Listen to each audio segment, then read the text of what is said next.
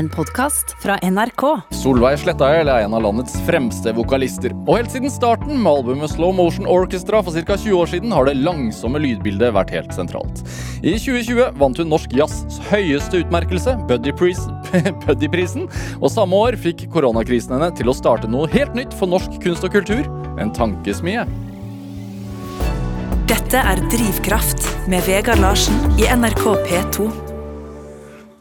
Solveig Slettagjell, hjertelig velkommen til Drivkraft. Tusen takk. Veldig hyggelig å være her. Kom så vidt frem. Ja, jeg hadde et lite hinder på veien. Ja.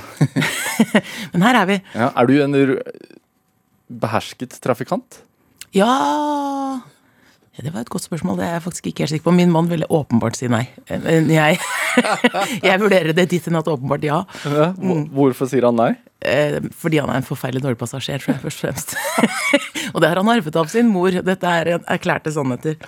Er du sint Eh, i trafikken? nei, det tror jeg ikke. Nei? Nei. Så det er ikke veiving? Det er ikke fingeren? Nei, uff. Nei, jeg er for snill, altså. Det får det ikke til. Nei. Men jeg prater mye til biller som da ikke hører meg. Ja. Ja, det gjør jeg. Behersket? Ja, det vil jeg si. det er jo helt absurd at man gjør det, selvfølgelig. Så sånn sett ikke behersket i det hele tatt. Ja, hva sier du da? Nå må du komme deg unna? Ja, eller sånn eh, Hvorfor skal du stå der, da? Nå må vi kjøre. Ja. Nå kjører vi. Ja. Tusen takk. Sånne ting sier jeg. Hva, hva hører du på i bilen? Eh, Podkaster. Ah. Ja, sånn er det, altså. Ikke egen musikk? Nei, er du gæren. Absolutt ikke. Nei, Og egentlig lite musikk i bilen i det hele tatt. Eh, Men jeg hører, jeg hører på Drivkraft. Åh, Ja. det var dit jeg ville. Det var Ja, det jeg ja, nei, men sånn er det, altså. Så hører jeg på Aftenpodden, og jeg hører på, jeg hører på mye rart. Ja. Ja. Kom akkurat den fra Lofoten. ja, det gjorde jeg. Hva skjedde der? Eh, Jeg spilte for en helt fantastisk gjeng som eh, var på en slags konferanse i Nussfjord. Ja. Med sånn, du vet, åpen vegg ut mot eh, havgap, og måkene konkurrerte. Det var, det var kjempefint. Helt nydelig. Men hvordan fungerer det da? Er du, flyr du opp, spiller og flyr hjem dagen etterpå? Basically. Hvor hvordan er det artistlivet? Altså, sånn, får du se noe av Norge? Fordi jeg, jeg har sett en oversikt og eh, prøvd å få en slags bilde av hvor du har spilt de siste Ja, ja, den er ikke så lett å finne. Nei. Nettsider er jo helt Men, men samtidig så ser jeg at du har, du har spilt i mange kriker og kroker. Ja da. Ja, jeg spiller jo mange steder, men det er, og jeg får sett uh, altså eh, bemerkelsesverdig lite tatt i betraktning alle stedene jeg har vært, for å si det på den måten. Ja. Men jeg eh, eh, er jo veldig glad for de der altså Jeg tenker Det er ikke alltid liksom at man skal liksom gå alle fjellene i Lofoten som er poenget, men å faktisk ha tatt de der minuttene og satt seg på en stein. For det er jeg god på, altså. Det gjør jeg. Ja. Mm. Og har alltid sånn ordentlig sånne punkt underveis når jeg turnerer, hvor jeg liksom tar inn, rett og slett. ja. Mm. Gir, gir det deg noe? Ja, det tror jeg. Hva er det for noe? Jeg føler at jeg liksom får lufta vettet på et vis. Ja.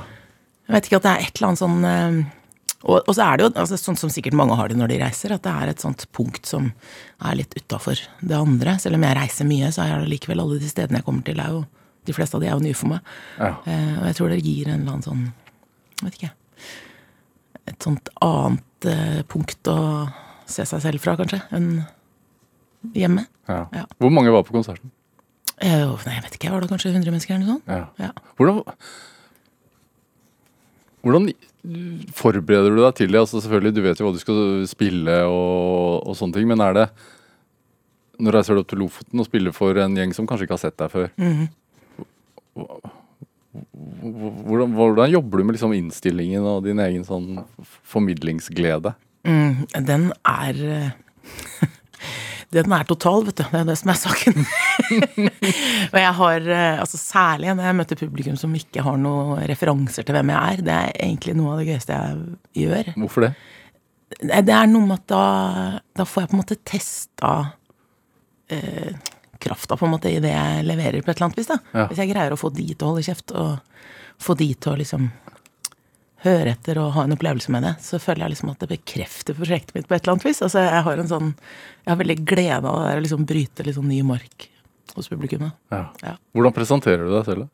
Nei, det prøver jeg å gjøre minst mulig av, da. Ja. Jeg snakker jo ikke så mye. Nei? Men, jeg, men jeg, det er veldig viktig er å bli de som- introdusert. Det er veldig lurt. Eh, For da er det på en måte en slags sånn inngang. Ja. Ja. Så det, det er det noen andre som skal få gjøre, og det er veldig fint. vanligvis. Er det, eh, skal du ha sommerferie i år? Ja, absolutt. Er det vanlig? Ja, jeg tror at Eller jeg veit ikke helt. Jeg, har noen ganger tenkt at kanskje jeg egentlig er bare fryktelig akterutseilt eller et eller annet. Men altså, jeg har aldri hatt sånn 20 festivaljobber. Festivaler på rad, liksom? Nei, aldri. Nei, nei. Noensinne. Men jeg har jo ofte sånn Altså hvis det er en sånn sesong, på en måte, hvor et eller annet har slått litt, som jeg har gitt ut som Da blir det fort liksom en fem-sju festivaler, men det blir aldri 30, liksom. Nei. Det har jeg aldri vært med på. Hva skal du? Jeg skal, altså Nå i sommer så skal jeg ikke gjøre så mye i det hele tatt. Jeg skal til Risør. Det blir veldig gøy og litt skummelt. Vi holder på med prøve på Schumann-songs, som Henrik Helstenius har skrevet om liksom Schumann sine greier. Lider Lieder fra eh, Dichterliebe og fra Frauenliebund Leben. Er på Kammermusikkfestivalen er nede? der, Kammermusikkfestivalen. Ja. onsdag neste uke. Og så skal jeg gjøre sammen med Morten Kvenhild, pianisten som jeg har spilt med i mange, mange år. Er du på litt tynnere is da? Veldig. For det er ikke bare Morten, det er også ensemble Ernst, som jo er et samtidsmusikkensemble. Så vi jo, står jo på en måte i et sånt kryss da, mellom en tradisjon som jeg på ingen måte har noe konsept om å forvalte i det hele tatt, og liksom eh, den duoen som jo har på en måte holdt på stjålet stoff og gjort det til vårt eget i 20 år. ikke sant? Ja. Eh, Men det krysset der er eh, Det er ikke gjort i en håndvending, nei. Og det er litt skummelt, men det er grisegøy når vi liksom knekker den. Ja. Og det tror jeg vi er i ferd med å gjøre nå. Det er stas. Hva, hva, hva vil de så knekke nå? Må du spørre om det der, for det er så vanskelig å si. Jo, men Det er jeg du, hva det er jeg du som er veit musikkpedagog i tillegg. Altså. Ja, jeg veit. Jeg veit. Og jeg veit hva det er. Jeg bare eh, syns det er så himla vanskelig å si hva det egentlig er som har foregått. da. Det er mange som har spurt meg om det. Mm. Og Jeg har ikke helt språk på det. altså. Men det Altså, jeg, jeg tror prosessen ofte for meg er sånn at jeg liksom eh, jeg, altså jeg, jeg gjør jo veldig ofte dette her, at jeg stjeler låter fra et eller annet sted som ikke er mitt, og helst ikke mitt. Åpenbart ikke mitt. Sånn at jeg får flytta det, hvis du skjønner. Eh, og at det må liksom en sånn ordentlig snuoperasjon til for at det skal liksom angå meg, da. Eh, det er liksom ofte en god, godt startpunkt for meg. For jeg liker den snuinga. Jeg liker det som skjer når jeg skal synge det. Eh, fordi at da Det er noe med at det gir meg mulighet til å å på en måte arbeide med liksom det rent sanglige og det rent musikalske forvaltninga av det som, som kunsten. Altså At ikke det blir et håndverksmessig prosjekt som skal vise fram den andre kunsten, som er komposisjonen, men at det også ligger et kunstnerisk arbeid i selve forvaltninga. Det er det som er på en måte Det er der jeg holder på. Tenker du at det er at du covrer noen, eller tenker du på det på en annen måte? Jeg tenker jo aldri sånn. jeg skjønner jo at jeg gjør det.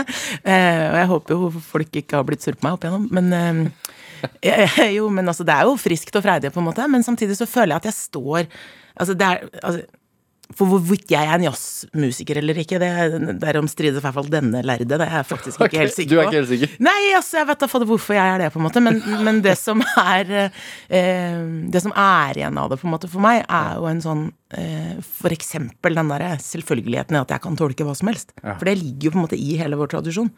Eh, og jeg kommer jo veldig fra jazzfeltet, jeg gjør jo virkelig det. Og, og er jo veldig lykkelig der, må jeg si. Men jeg føler noen ganger at jeg liksom driver med ting som ja, som sprenger de rammene litt vel mye, kanskje, da. Så hvis, du skal, hvis du skal høre litt musikk, Ja. eh, bare for å vite litt hva vi prater om eh, Du skal høre eh, en låt som heter How Deep Is The Ocean, og det, det her er jo ingen ny låt. Nei, nei. Eh, fra 32 eller noe sånt, skrevet av Irving Bell Nei, Irving Berlin, eh, og, og blitt tolka mange ganger opp igjennom. Mm. Eh, Nat King Cole, Billie Holiday, Frank Sinatra, Eric Clapton, for å nevne noen veldig, veldig få. Mm. Hvor, når du velger en sånn låt som, har, som er kjent, som har blitt tolket mye, Mm. hva, hva, hva, hva er det som får deg til å tenke sånn Ja, den skal, jeg- den skal jeg også synge. Syns den var fin, vet du.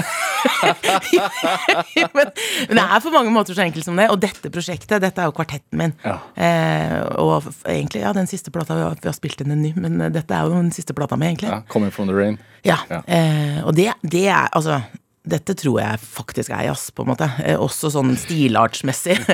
eh, Solveig Slettahjell, hva er jazz? ja, ja, nei, det er jeg ikke helt sikker på. Men, eh, men dette tror jeg i hvert fall er det.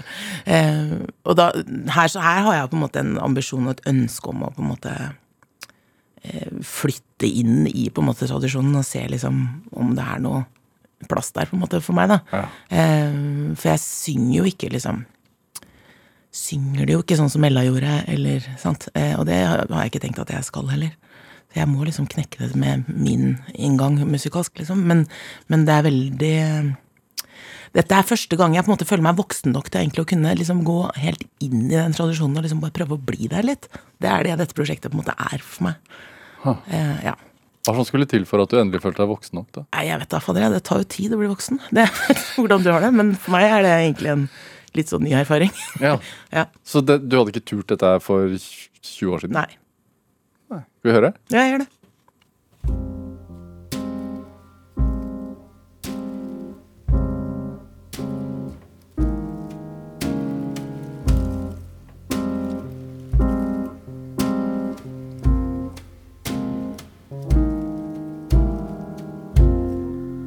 How much do I love you? I'll tell you no lie. How deep is the ocean? How high is the sky?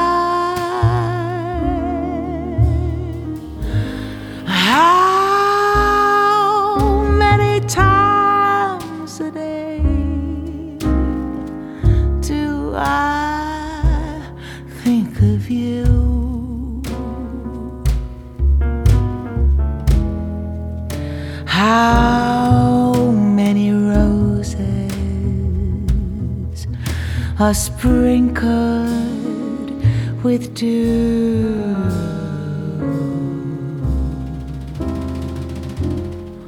How far would I travel to be where you are? How far is the journey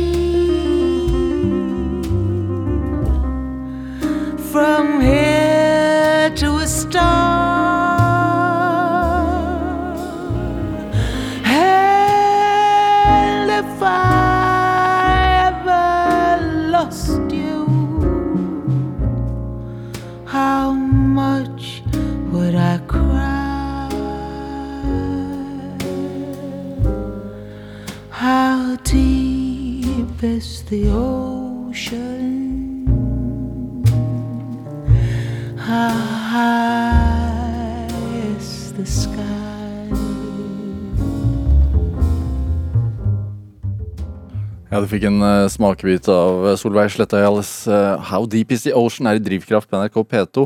Låt vi spiller i dag fordi at uh, musiker Solveig Slettøyel er dagens gjest her i Drivkraft. Uh, mens vi hører på det her i, i studio her vi sitter, så sier jeg at Og jeg syns den er veldig fin. Uh, og det er jo et kompliment, men jeg mangler, merker at jeg mangler litt sånn språk for å forklare hvorfor. Og så sier du sånn Ja, det er helt greit, men så kommer du med noen sånne Du forteller meg jo hva du hører når du hører den. Jo, jo, men jeg, jeg skal jo lage det. Det er jo noe annet, tenker jeg. Jeg syns det er fint at ikke folk har språk for alt det de Hva sier du når du Hører. en uh, låt du liker? Jeg sier at det er skikkelig fint. Rett og slett. Så jeg, jeg analyserer mye mer når jeg skal på en måte produsere noe sjøl, Ja. enn, enn når jeg lytter. Egentlig så blir. Jeg tror det er derfor jeg ikke hører på så mye musikk i bilen nå, for at jeg, den analysen kommer litt sånn fort på. Er, eh, jeg har større glede av å høre på ting jeg ikke kan så mye om, Ja. enn ting jeg kan så mye om. Altså hvis du Så du kan sitte og, og, og bli analytisk? Ja, Ja. litt sånn. Eller hvordan skulle jeg gjort, eller burde jeg ha tenkt, eller eh, Oi, men der er det to på tre, liksom. Altså, skjønner jeg holdt på sånn. Ja. Når du hører, hører How Pistorsen Is nå, da, hva tenker du da? Altså, hva, du, sier, du, du sa underveis her at man, man kan kanskje tenke at den er flytende, Mm. men Jo, nei, men det er jo det er jo noe av Altså, de der langsomme tempoene mine, Ja. de er Som du har blitt kjent, kjent med. Ja da, det er jo noe med å kalle bandet sitt slow motion, så er man jo på en måte på god vei Ja. mot et slags eh, varemerke der. Eh, og det er fint, altså. Jeg syns det er stas at det går sent. Jeg syns det hele mitt liv. Altså helt siden jeg var liten, liksom. Eh, så det er en eller annen hang, da. Men jeg tror at det, det er et mye mer et rytmisk prosjekt enn enn et sånt Altså for at Når den låta her tikker og går nå for meg, så er det liksom den, det derre bitet som tikker og går under der. Hører publikum det der? Jeg tror det. Jeg sånn, ja. Ja. så er det hvordan jeg relaterer meg til det, som er liksom der hele min oppmerksomhet ligger liksom hele tida. Altså, den er stram. Ja, ja, ja, den er ikke stram, for det der er jo veldig flux, da. Ja. Men det er liksom i den fraseringa, på en måte, eller den rytmiske forvaltninga som foregår imellom liksom et beat som tikker og går, som jo er metrisk og sånn sett stramt. Sånn, ideen om det er i hvert fall det. Og det forvaltes jo ofte sånn også i jazztradisjonen at den, den klokka tikker jo og går et eller annet sted, selv om ikke nødvendigvis noen spiller den. Så det er der du leker deg. Ja, det er i det spennet der, liksom. At hele At all min liksom glede i liksom øyeblikket med musklene mine og alt, det er liksom der det foregår. Ja. Ja. Men når jeg sitter og hører på det nå, eh, og det er jo ganske herlig, egentlig, for når, eh, når vi spilte den låta i stad, så hører jo jeg på Andreas sitt pianospill, og det er mye gøyere å høre på de andre enn å høre på meg sjøl. så kutta du akkurat Trygve, som begynte på en veldig fin bassolo, kan jeg si. ja, men vi skal gjennom så mye. Ja, ja, vi skal det, vet du. Det er mye å tenke på. Eh, ja. Jeg, jeg sa innledningsvis her at du akkurat ish har startet en tankesmie. Mm. Uh, er det, inspirert av liksom Sevita og sånn, eller hva? hva? Ja, jo, for så vidt. Altså, eh, i hvert fall inspirert av eh, Jo, egentlig, altså. Det kan man godt si. Hva, Eh, hva er en tankesmie? Altså, det vi skal, eh, er at vi skal prøve å altså, saken- Bakteppet for hele greia var jo at jeg blei så redd da det smalt og vi ble stengt og Korona, mener du? Ja, rett og slett. Det var jo eh, Jeg tror det var sikkert mange av oss, tror jeg, som jobba i liksom utsatte bransjer, da, som ble ganske engstelige de første dagene. Jeg mista jo all inntekt for det neste halvåret på fire timer den torsdagen. Ja, for, for sånn som deg, hvor vesentlig er det å spille ute? Det er det jeg lever av. Ja. Ja. Rett og slett. Altså Nå er platesalget borte, så det fins jo ikke lenger. Og jeg skriver jo så lite sjøl, så for meg så er konserter det som er inntekta mi. Så det var, eh, det var skikkelig skremmende de første, første uka. Men så viser det seg at vi bor jo i en velferdsstat som også har tenkt å ta vare på oss. Så vi blei jo veldig godt ivaretatt. Det blei vi, altså. Sånn at det er ikke det er ikke liksom en syt og klag-utgangspunkt, og at vi skal ha mer enda en gang, men det er rett og slett eh, det som skremte meg da det stengte, var å se hvordan det ble snakka om. Altså Kulturministeren ble snakka som om man hadde stengt en ølkran, liksom. At folk bare ikke skulle være på fest i et halvt års tid eller en stund. Jeg bare sånn, men unnskyld. Du har stengt Nationaltheatret og Oslofilharmonien og alle jazzklubbene og alle ungdomsklubbene og Det er jo ikke øl, liksom. Veit du ikke forskjell? Skjønner du? Altså, man blei så eh, Nå viser det seg at han veit jo forskjell, men eh, bare det at det liksom helt tatt går an å snakke om liksom et helt samfunnsfelt på den måten, det gjorde at jeg liksom blei veldig sånn Jeg blei litt engstelig for hvordan det egentlig totalt sett står til liksom, for kunst og kultur i den norske liksom, folkebevisstheten. Veit vi hva vi skal med det, liksom? Ja, uavhengig av pandemi. Ja, Ja. rett og slett. Og under pandemien så ble det veldig forsterka, fordi at vi òg blei jo en sånn kakafoni av smale mandater som alle sto og på en måte ropte på mer, og dere forstår oss ikke og sånn. Det var jo fordi at vi er jo vant til å ikke bli så veldig forstått, på en måte. Og så er vi jo også vant til å regne oss litt selv ut av offentligheten, tror jeg. Eh, hvilket jeg tror er fryktelig dumt. Så det var egentlig like mye et sånt varsko innad som utad, da. Hvordan arta den engsteligheten seg da, for deg? Eh, det arta seg på den måten. Jeg blei litt sånn frenetisk i å orientere meg om hvordan feltet vårt ble snakka om. Det var det som egentlig ble Det var det jeg følte jeg meg liksom ble slynga ut i, at jeg nå må jeg bare se hvordan dette her egentlig forvaltes. Da jeg hadde jo tid, ikke sant. På en helt annen måte. Og jeg fant jo ingenting inni det kleskottet hvor veldig mange av mine kolleger lagde liksom et lite studio og satt og preprodda, liksom. Altså, det er jo ikke der jeg holdt på i det hele tatt. Der skjedde det absolutt ikke noe. Sånn at jeg måtte liksom bruke tida mi på noe annet. Og, og jeg var eh, Altså for meg så er jo det å synge eh, og spille med musklene jeg jobber med, rett og slett bare fryktelig sånn meningsfylt. Altså jeg får liksom et sånt punkt i tilværelsen hver gang vi gjør en konsert, eller vi øver eller er i studio, så er det et sånt Ok, nå er alt stabla riktig, livet går opp. Liksom all eksistensialisme på en måte legges til ro, og jeg kan liksom holde på en stund til neste punkt hvor vi ses, liksom. Ja, så en slags sånn er- renselse Ja. før neste? Fullkommen katarsis og åpne kjeften og synge med de folka. Det er sånn det er for meg, liksom. Eh, og når det er vekk Hvorfor er det sånn, tror du? Jeg veit da, fader. Er det applausen? Er det Nei, nei, det trenger ikke å være noe publikum involvert i det hele tatt. Det er, det er sikkert endorfinene, kanskje, ved å synge i det hele tatt. Men altså, jeg, jeg vet ikke, jeg tror det Jeg tror jo det der på en måte handler om at man har hatt et sånt eh, Altså at den derre eh, kunstneriske opplevelsen på en måte som det kan være å synge, da, og som det kan være å lytte til noe eller se noe, eller altså og Når man liksom jobber med dette, jeg har jo jobbet med, eller holdt på med dette da, siden jeg var barn, ikke sant, og så kommer det på et punkt når du begynner å bli eldre, at du eh, at jeg har hatt eh, kunstneriske opplevelser med andre folk sine uttrykk. liksom, Og så på et eller annet tidspunkt så skjer det at jeg opplever at jeg gjør noe som på en måte er det. skjønner du? At jeg også på en måte treffer det rommet som er større enn meg sjøl, og som på en måte er en, en annen greie enn at jeg er flink. skjønner du? Mm. og jeg tror det er det det er. At jeg liksom jakter det derre Hvor vi liksom kan få kledd av den låta ordentlig og liksom vise den fram sånn som den er. liksom, altså skjønner du? Den følelsen. Jeg vet ikke. Ja. Jeg tror det bare Er det en følelse av å være liksom akkurat til stede der og da, liksom? Jo, jo. Eller- Ja, og, det, og at man på en måte tjener musikken sammen. da, på et eller annet vis, At vi står der sammen og på en måte jakter på den himla blinken. liksom, Ja. Som er det at det kan bli potensielt sett en kunstnerisk opplevelse for oss og for publikum og for alle. da. Ja. Ja. Er det det samme hvis du synger helt aleine? ja, det kan det være. Men det er, det er ofte litt mer sånn jobbikt. Det er jo gøyere å gjøre det sammen med folk. Men jeg kan eh, jeg, jeg, jeg, altså det er, Jeg føler at det er dette som er jobben min. på en måte At det er det jeg skal hver gang. på et vis Men hvordan opplevde du at det ble pratet om, da? Kunst og kultur? Bortsett, Nei, det- bortsett fra det at det var litt som å stenge ned en ølkran. Altså, Ja, nei, Det var jo mye sånne type metaforer. da hvor liksom, og, og jeg skjønner jo på en måte ideen, for da skulle han på en måte snakke til publikum ikke sant, og si at det er dere som nå skal Men han glemte litt å snakke til feltet da, av og til, og det tror jeg ikke var så lurt. Men, men, eh, men det kom jo rundt, og, og sånn det òg. Men jeg tenker jo det at man nesten skal snakke til publikum som om det er en ølkran også, er på en måte en litt sånn degradering av folk sitt vett. altså. Folk veit forskjell på øl og en sang, liksom. Jo, men altså, jeg syns det er litt sånn filler'n heller.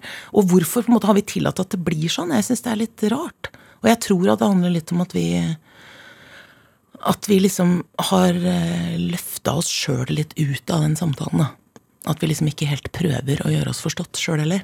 At vi tenker at vi skal være litt sånn mystiske og snåle her ute på sida, og så skal vi liksom bare bli betraktet som et eller annet sånn halvmagisk som liksom av og til kan liksom oppstå og bli en stor kunstnerisk opplevelse. Og det er fordi at her er det noe mystisk som foregår, liksom. Og at det på en måte tjener saken, og det tror jeg egentlig ikke det gjør. Hvordan starter man en tankesmie, egentlig? Kan alle gjøre det?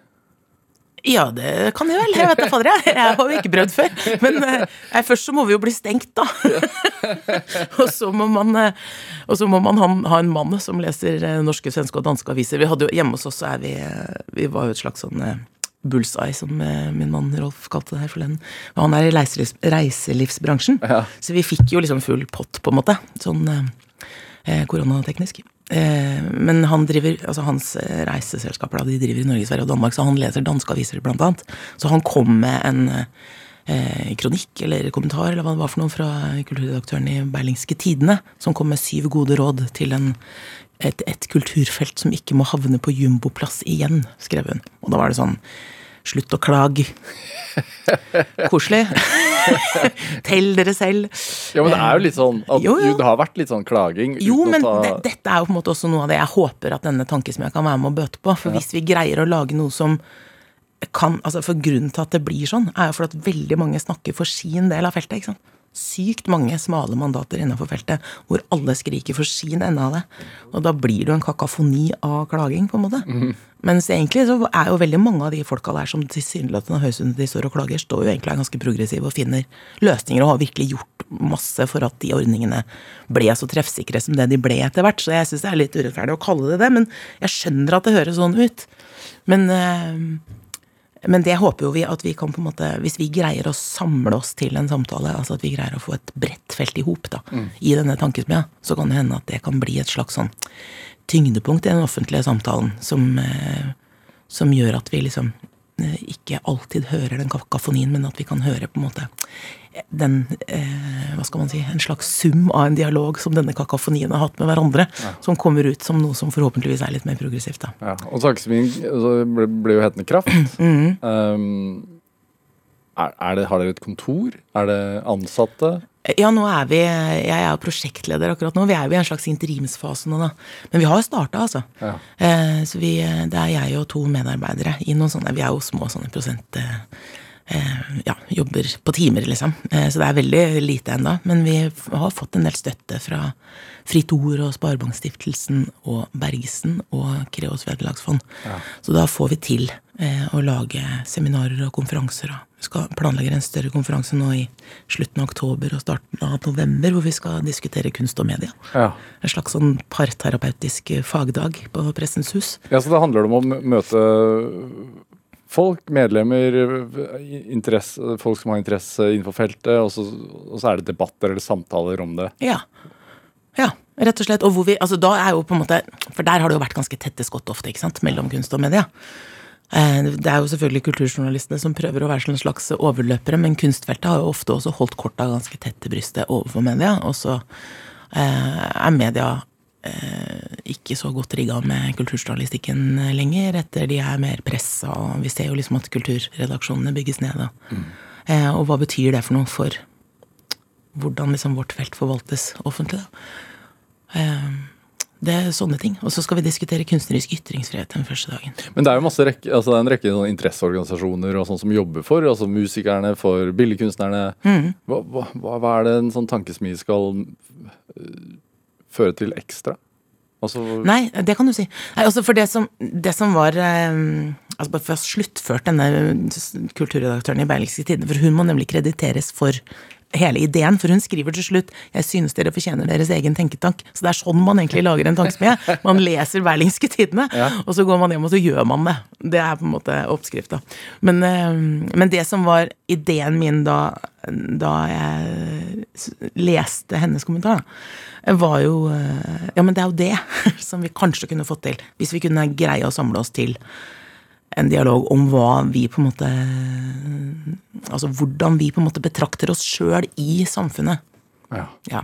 Eh, og ikke liksom hva, hvordan liksom de forskjellige kunstfeltene virker, eller hvordan de skal finansieres, eller hvordan noe som helst.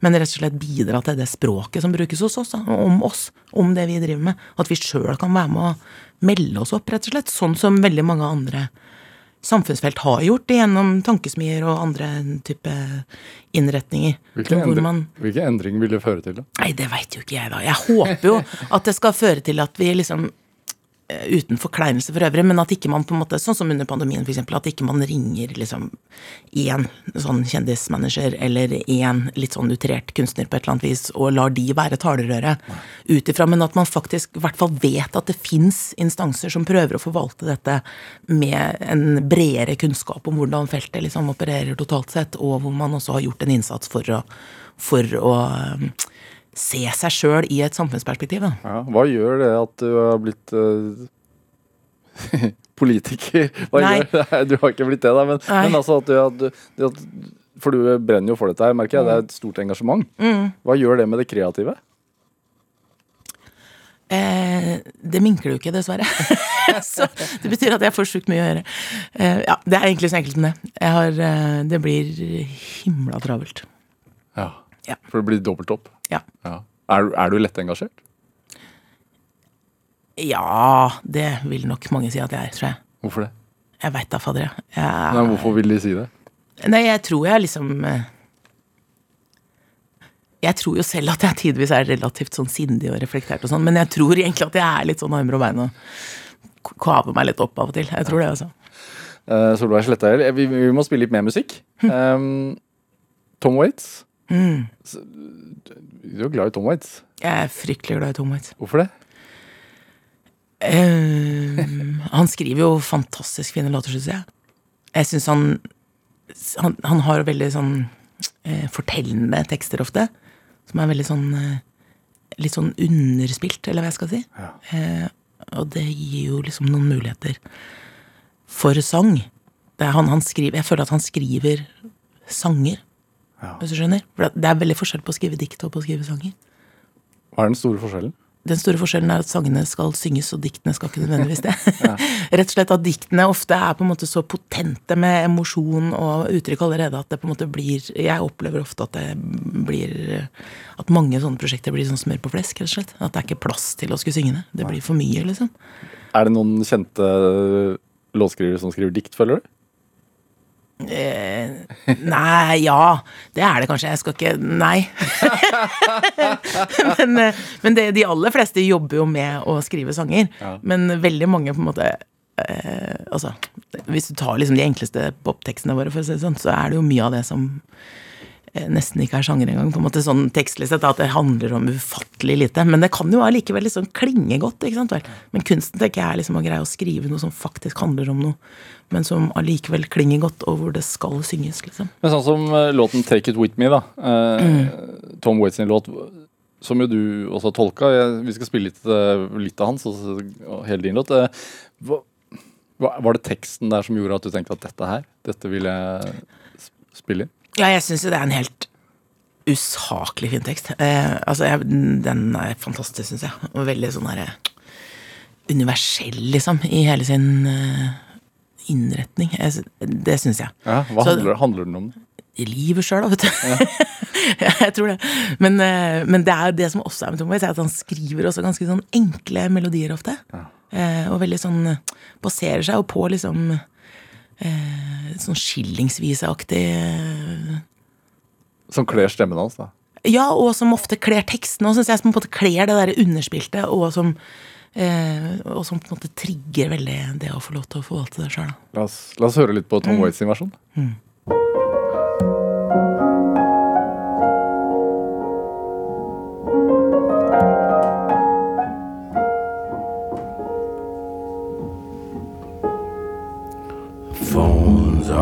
hook. No one knows where we are. It's a long time since I drank champagne.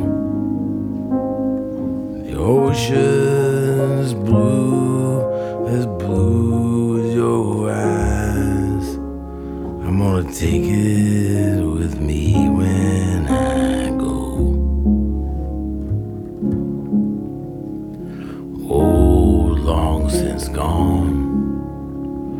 Now way back when we lived in Coney Island.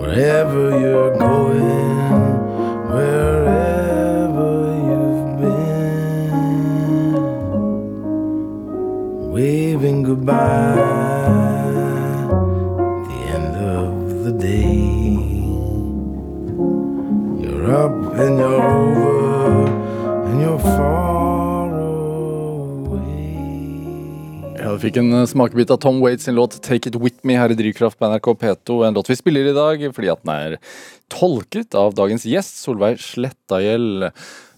Hva, hva er det Tom Waits gjør her? Altså, hvordan synger han denne låta? Åh, det er jo helt ufattelig fint. Det er jo helt urettferdig å skulle spille min versjon rett etterpå, føler jeg. Men eh, Nei, og jeg satt og nyhørte litt på den nå, igjen. Um, han Altså, jeg liker at han er sånn eh, Han er ekstremt uølete i måten han eh, angriper hele greia på. Én ting er liksom stemmen hans, som jo er liksom ru og veldig dyp, og sant, tar alt dette. Men han er også sånn, synger ganske sånn non-vibrato og liksom bretter ut og Han er liksom litt sånn eh, Han gir seg hen til sånne litt sånn snåle aspekter ved teksten, på en måte, og lar liksom eh, lar noen av ordene klinge ut liksom bare sånn som de er. Altså Han er ekstremt lite sånn pynta, da. Eh, men, men det er jo liksom konkrete musikalske ting han holder på med. Sant? Og er veldig sånn Det at han synger så uten vibrato, for eksempel, gjør jo at han blir ekstremt presis. Eh, for du hører så tydelig at han gjør rytmisk, for eksempel. Og, Og når du skal da gå, gå til verks og gjøre det til din ja. Da må jeg slutte å høre på han. Ja, Jo, men det er helt avgjørende. Jeg, har jo, altså jeg hører jo, nihører jo på alt jeg på en måte skal på et eller annet tidspunkt ta i. Fram til det punktet at jeg har valgt det, liksom. ja for man vil ikke høres ut som en som prøver å høres litt Nei, nei, nei, kjære venne, hallo. Det må man jo ikke finne på. Det er jo hele poenget. At man må, og da må man jo liksom bare tåle seg sjøl litt òg, ikke sant. Eh, og tenke at nå må jeg liksom slippe gjennom det som bor her, liksom, og se hva det blir. Men så må man liksom stole på at det derre Det triggerpunktet da, som gjorde at du liksom starta på den låta, at det liksom at det, er, at det holder på en måte til å kunne liksom bygge en ny versjon. At den liksom eh, forståelsen og liksom den, der, den opplevelsen du hadde med den låta, er sterk nok til å kunne bygge noe annet. da. Hvorfor er det så gøy?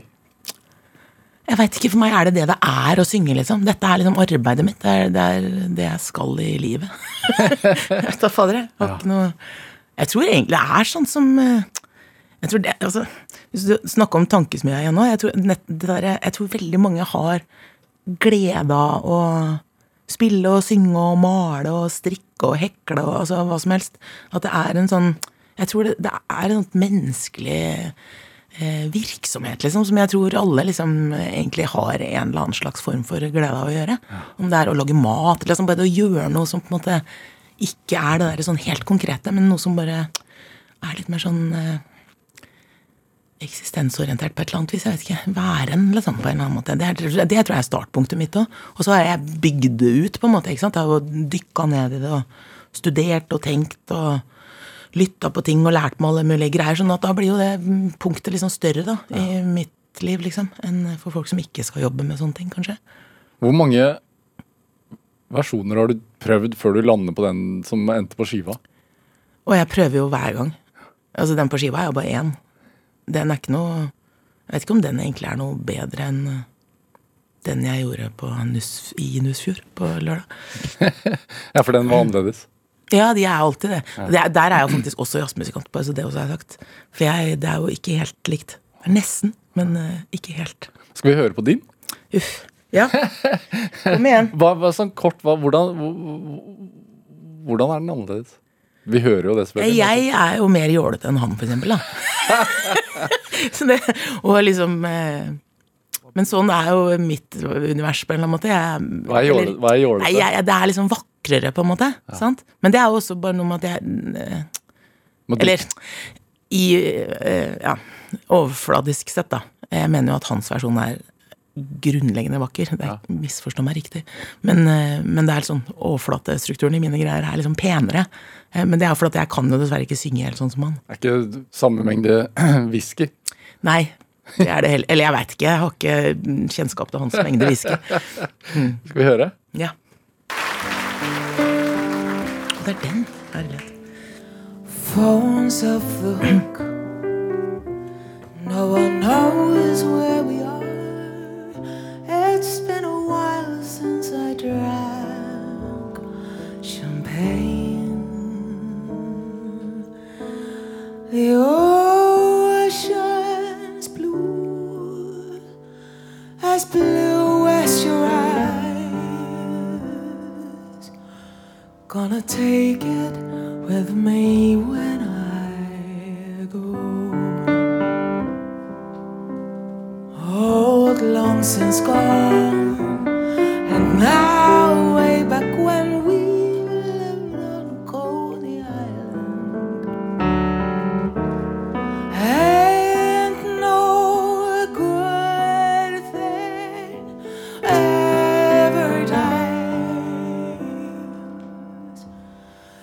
take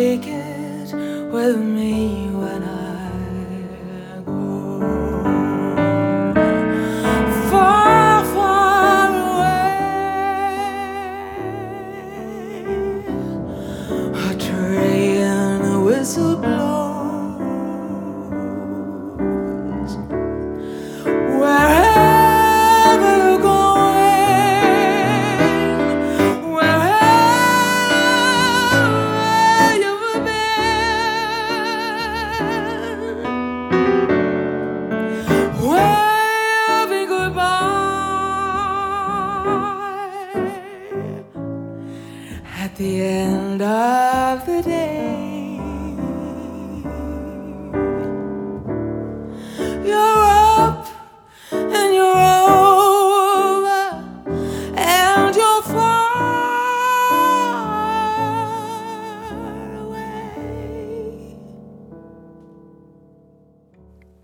Fikk en eh, smakebit av Solveig Slettahjells eh, versjon av Take It With Me her i Drivkraft på NRK P2. En låt vi spiller i dag fordi at Solveig Slettahjell er dagens gjest her i Drivkraft.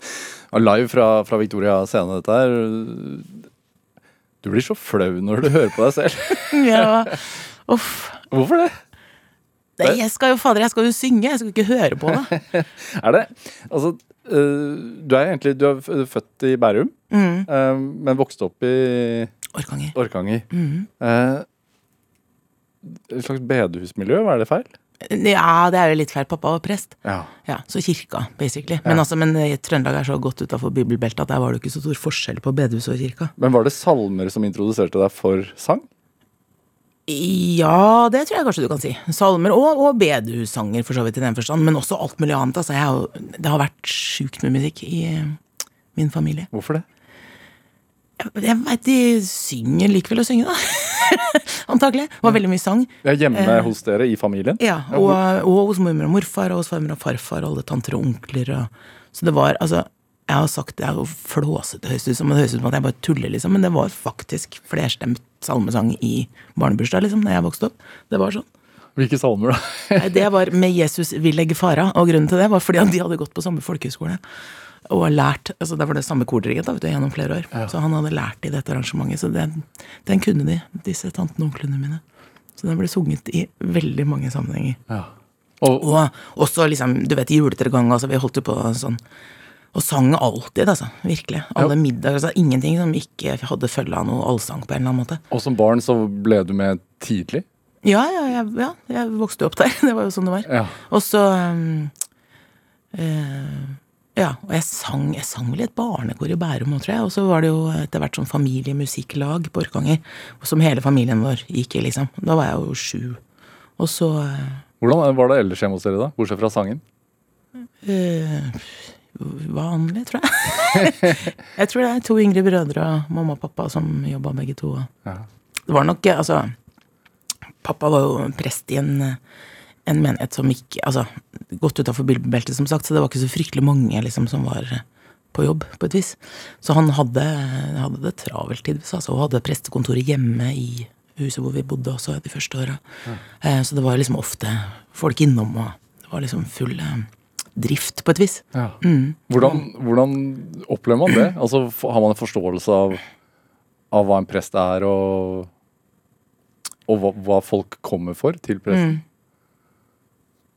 Ja, altså Jeg må si at det er noe av det som jeg Som jeg syns er liksom finest på en måte med å ha fått med meg Eller å ha vokst opp sånn, er for at altså både mamma og pappa har vært veldig sånn Hva skal jeg si sosialt engasjert, og liksom diakonale, liksom, hvis det er lov å bruke et sånt uh, kristelig ord, um, i hele sin forvaltning av sin tro. Altså Det er det det har vært, på et vis. Så det var jo eh, Altså, ja, de som på en måte hadde et eller annet, da. Noen eh, en eller annen som hadde et alkoholproblem, eller var liksom sosialt utfordra på et eller annet vis, liksom. De var jo innom hos oss alle sammen. Ja.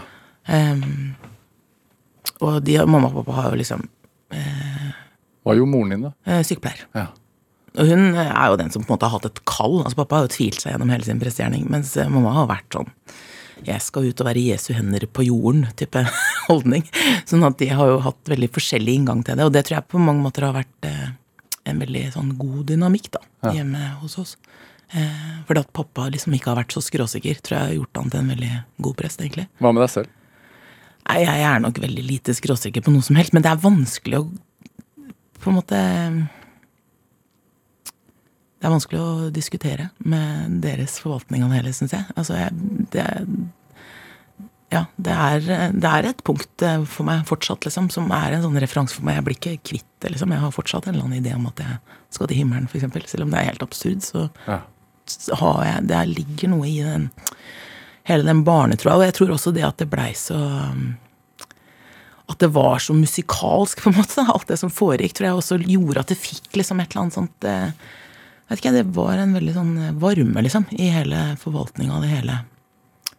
Eh, Gjennom generasjonene i familien vår. Selv om jeg tror eh, min bestefar jeg tror tror jeg egentlig var ganske streng. Men det merka ikke jeg noe til. Han var jo bestefaren min, så da slapp han vel, antagelig. Så han, for meg så blei jo han liksom organisten og den som kunne liksom hjelpe meg å lære ting på piano. Altså, det var liksom et veldig sånn bra sted å vokse opp. Altså. Var, var musikken samlende? Ja, det er den jo. Ja, Men i se. familien også, liksom? Altså Ja, en sånn trygghetsskapende? Ja, det tror jeg kanskje, uten at jeg Ja, det tror jeg kanskje. Uten at jeg egentlig har tenkt over det på den måten. For den har liksom bare alltid vært der, så det har liksom ikke vært noe eh, Jeg vet ikke åssen det er uten. Men overgangen fra å altså, synge salmer til å begynne å synge jazz Hva Det var jo helt nødvendig, da. Altså, jo, men det var jo det. Er det Altså, opprøret, liksom? Ja, jo, ja, det var det nok også i starten, tror jeg. Ikke sånn opprør i den forstand, kanskje, men jeg var jo, altså det som på en måte lå i løypa mi, var jo å bli sånn sangevangelist i Indremisjonen, liksom. Og det ble jeg jo bedt om, faktisk, og hadde jo vett til å takke nei når jeg var 19. Og skjønte at det Hvorfor takka du nei? Nei, det vet jeg ikke. Jeg bare ville ikke, om det så smalt, liksom. Da var jeg ferdig på et vis. Altså, jeg tror jeg, jeg ble fryktelig lei av det der litt sånn trange fellesskapet, da. Ja, så jeg måtte ut og lufte vettet. Hvem var du da, som ung? Ja, altså når jeg begynte å bli sånn 1920, så begynte jeg vel kanskje å bli litt sånn plagsomt eh, selvstendig og litt sånn alternativ i innretningen. Men eh, når jeg var yngre igjen, så tror jeg jeg var veldig skikkelig og litt sånn irriterende elevrådsformann. Liksom. Og i dag leder for tankesmien Ja, skjønner du. Sorry, altså. Det hele kommer sammen. Men det Hva, hva var det ja, Altså da du ble 19, Hva var det du sa? Da du var 19, så var du veldig alternativ? Nei, ikke veldig alternativ. Det har jeg aldri vært. Jeg er litt for skeptisk til det. Men, men litt sånn, altså det var jo litt sånn raddis-stil på hele opplegget. da. Ja. Veldig sånn eh, Ja, du vet. Sortkledd og farga og altså alle de greiene der. Hadde liksom alle referansene oppe, på en måte. Men da hadde jeg jo liksom blitt presentert for så mye gjennom eh, Egentlig gjennom musikklinja på videregående. Det tror jeg ble litt sånn startpunktet for meg. For at jeg hadde altså hele min eh, familie så er det jo ingen som på en måte har holdt på med sånne ting. Men jeg har en tante som er eh, kunstner, som har liksom peka i en litt annen retning, som nok har vært eh, viktig for meg, særlig når jeg var eh, i den tida, tror jeg. At det var lov å Ja, at det var et eller annet greier der borte som At det foregikk noe. eh, Ja. med de tingene som jeg opplevde og ble presentert for gjennom eh, musikkstudiene mine, egentlig, da. Ja. Jeg husker jeg um, husker jeg hørte Radka første gang, for eksempel.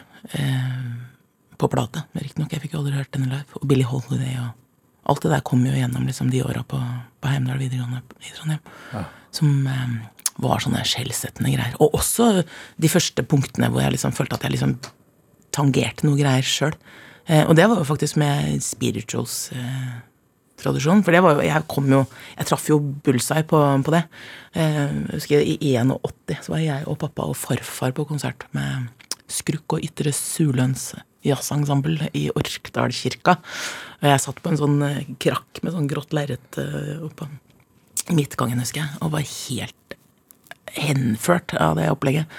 Um, og hele den spiritualsbølgen som gikk gjennom alle liksom, ungdomsskolene rundt i Norge gjennom sånn 70-80-tallet, den traff jeg 100 um, Så det var jo det stoffet jeg liksom ofte hadde som en sånn referanse ved siden av liksom hele den salme bedus-referansen. da. Og selvfølgelig hele poprælet. Altså, men jeg var jo den første til å liksom kjøpe Whitney Houston sin plate. Ikke sant? Altså, jeg gjorde jo alt det. Ja.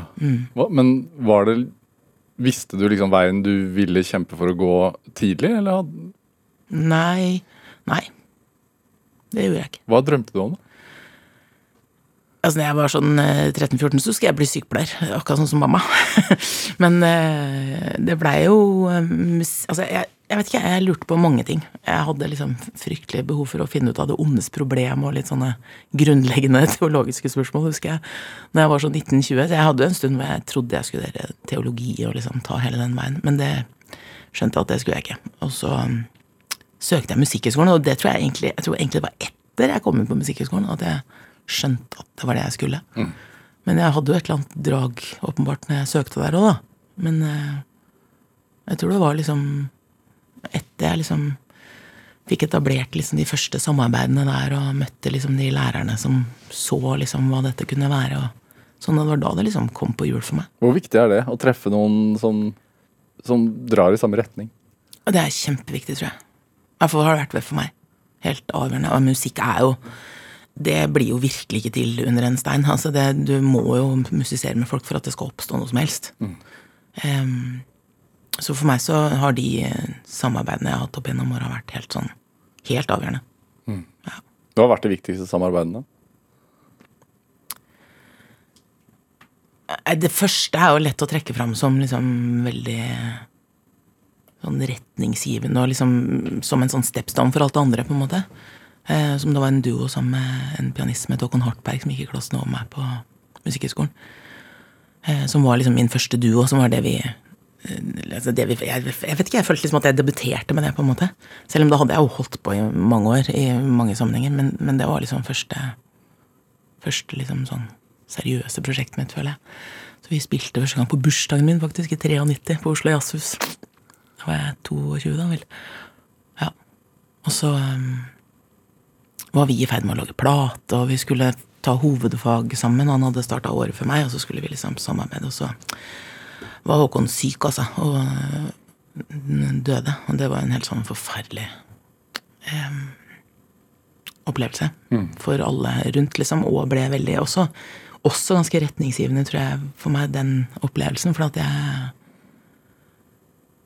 eh, Ja, det ble eh, det ble produsert utrolig mye rundt det at eh, han hadde tatt livet sitt, og veldig mange av mine musikerkolleger rundt var liksom plutselig veldig produktive og dedikerte ting til han, og liksom opplevde jo en eller annen sånn Vet ikke, at det angikk de, selvfølgelig. Eh, Og det gjorde det jo for meg òg, men for meg så ble det Det blei så fysisk vanskelig å synge, for hver gang jeg sang noe som på en måte angikk der det egentlig skulle, så bare grein jeg. Altså det var rett og slett praktisk vanskelig å få gjort jobben min.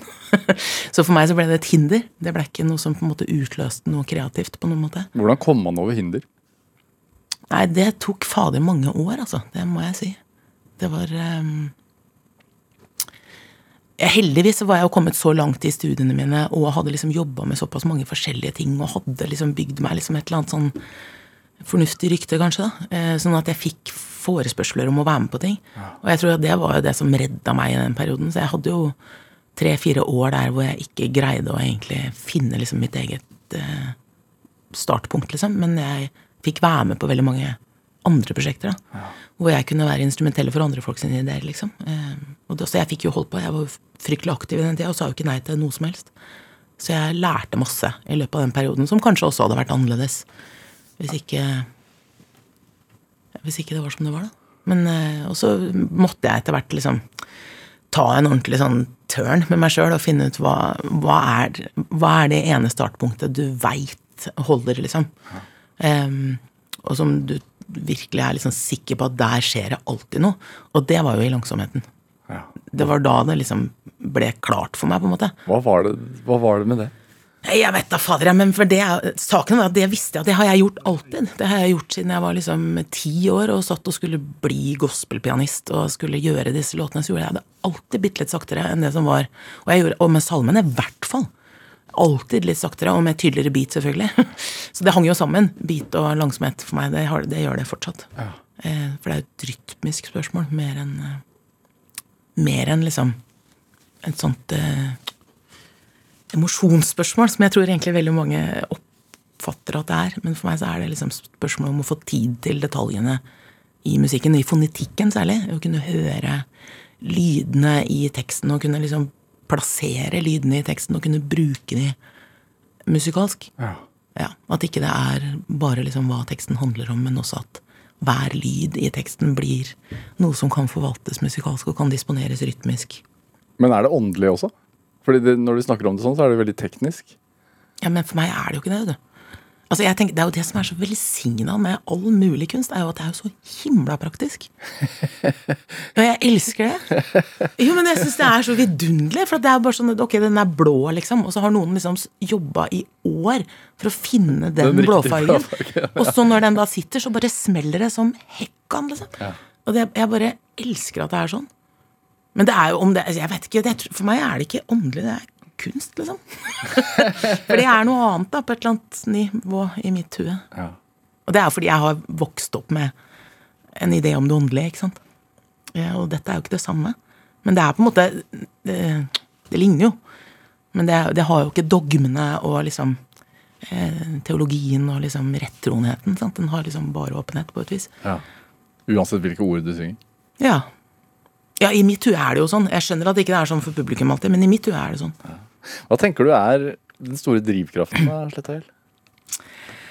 Dette må man jo tenke på når man skal være med i et program som heter Drivkraft. Ja, beklager. Nei, men det er veldig fint. Jeg tror jeg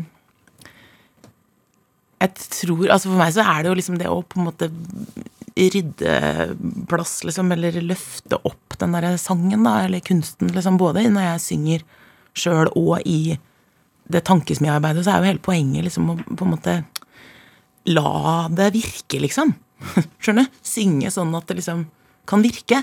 Eh, og snakke om det, sånn at folk liksom har språk for hva det er, sånn at det blir plass til det, sånn at det fins liksom en bevissthet om det i skolen og i, overalt. At vi liksom kan sørge for at liksom kunsten kan få være den delen av folks sitt liv som jeg tror det faktisk egentlig reelt sett er. Mm. Det er, det er, det er jobben min. Hva, selv om det er jobben din, hva er kunsten for deg, da? Å synge. Ja. Sorry, jeg veit det er enkelt, men det er sånn her. er. Solveig Slettahjell, en time går altfor fort. Skulle egentlig spilt mange flere låter av deg. Det kan folk gjøre på egen hånd. Ja, ja, ja. Det fins der ute. Ja, tusen takk for at du kom hit til Drivkraft. Takk for at jeg fikk være her. Hør flere samtaler i Drivkraft på nrk.no eller i appen NRK Radio. Send oss gjerne ris og ros og tips til mennesker som du mener har drivkraft. Send en e-posten til drivkraft.krøllalfa.nrk.no. Vi hører veldig gjerne fra deg, og alle tips eh, noteres flittig ned. Og får du kanskje høre gjesten på lufta en gang i løpet av høsten, f.eks. Produsent i dag var Kjartan Aarsand, og Julia Martincic gjorde research til denne sendingen. Dette var Drivkraft. Jeg heter Vega Larsen. Vi høres. Du har hørt en podkast fra NRK. Hør flere podkaster og din NRK-kanal i appen NRK Radio. En podkast fra NRK. Vi skal jo snakke sommer. Hva er din perfekte feriedag, Johan? Jeg trenger ikke være så veldig mye ute i sola for at det ser ut som jeg har vært ute i sola. Podkasten Feriestemning, hvor to kjendiser deler sine sommerminner. Men nei, hvorfor har jeg aldri sett deg brun, da? Og så driver vi og snakker om gamle sommerforelskelser. Nye episoder med nye fjes hver dag i hele sommer. Og så må du ha en god sommer, da. Feriestemning hør du nå i appen NRK Radio.